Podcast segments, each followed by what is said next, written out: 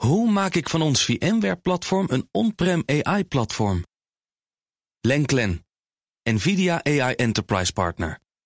Lenklen, betrokken expertise, gedreven innovaties. Tech Update. Mark Onderklerks, de hele week bezig geweest met het maken en het veilen van een non-fungible token, een NFT. De veiling duurde tot 9 uur. De digitale eigendomsrechten van een stukje radio dat jij gemaakt hebt, geregistreerd op de blockchain. En het gaat om dit stukje. BNR Nieuwsradio. You can't touch it, but you can own it. Told you you had to pay attention. So what exactly is an NFT? Now, NFT, NFT stands, for non-fungible token. token. Tokens are digital tokens that enable true ownership of any kind of digital asset. asset that has been verified using blockchain technology. Whoa. Carl, a gold rush here, even though it's a little hard to explain what the gold is. De toekomst is hier. Ik had er ook meer van verwacht. Dat zei je. Onze eigen Conor in zijn NFT. Dit was het ding. Het is, is het gelukt om hem te verkopen, die, deze NFT? Ja, Ja? ja het is eh, ver boven verwachting ook Ja? gelukt om te verkopen. Daar heeft iemand eh, 0,7 ether voor betaald. Dat is eh, omgerekend een slordige 960 euro. Zo. Gefeliciteerd. Ja. Heb je goed gedaan. Eh, Dank je. Ik eh, ben er een beetje... eh duizelt me een beetje, want ik weet, ik weet niet waarom. Ik weet niet Nee. wie.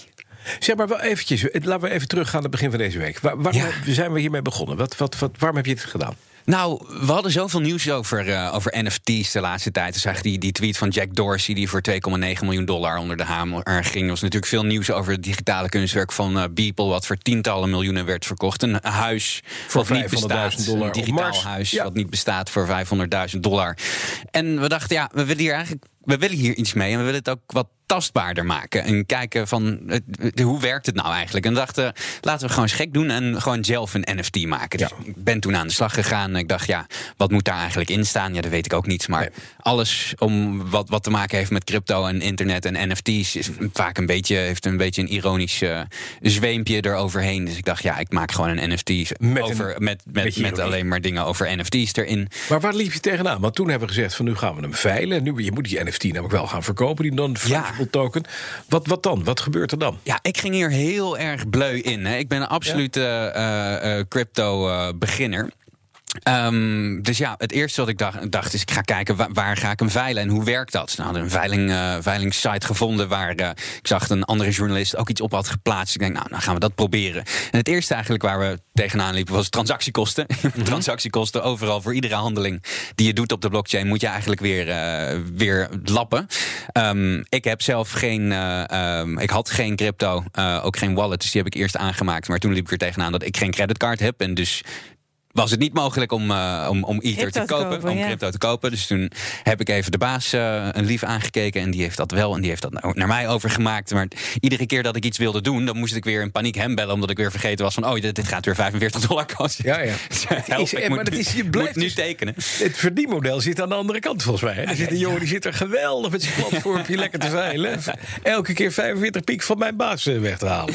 Maar ehm, ja, vervolgens had ik dus die, eh, die NFT aangemaakt. Die, dat noemen ze minten. Hè? Dan staat hij geregistreerd op de blockchain. Dus daar, op bij dat platform. Ja. Dus ik dacht, ik start die veiling. Vervolgens wilde ik die veiling starten. Bleek dat er een minimumbod was van 1 ether. Dat is, eh, ja, dus... eh, 1300 wat is het? 1300 nog euro. Dollar, eh, ja. nog wat ik, ik had niet echt de verwachting dat we dat gingen halen. Dus Nee. ik dacht, ja, wat, wat betekent dat? Betekent dat dat ik eh, straks moet gaan vertellen dat het niet gelukt is... en dat we dus eigenlijk alleen wat transactiekosten weg hebben gegooid?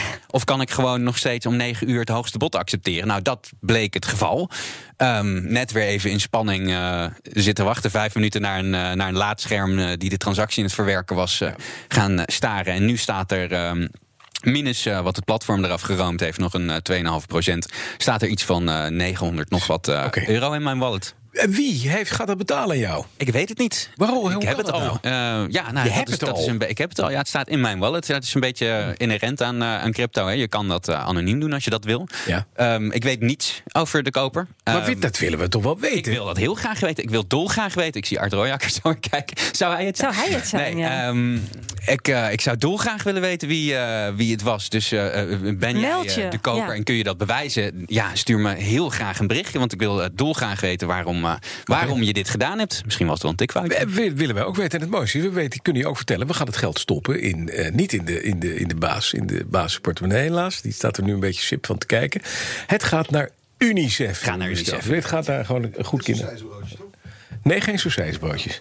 Die doe ik voor het slagen van... De... Nee, Art, je krijgt een sausijsbroodje. maar die krijg je gewoon van mij. Ik steun dan weer de collega's. Dat doe ik, dat doe ik als, bij het slagen van deze actie. Maar toch een leuke actie. Dank je. Ik heb er veel plezier van gehad, maar het is wel heel spannend. Ja. Ja. ja, en dat heeft met name... Het heeft de baas heel veel geld gekost. Baas Mulling heeft centen gekost. Die heeft al die transactiekosten moeten ophoesten. En die moet uitleggen aan zijn vrouw... maar die om die iedere keer 45 euro transactiekosten moet gaan betalen. Ja. Heel gek.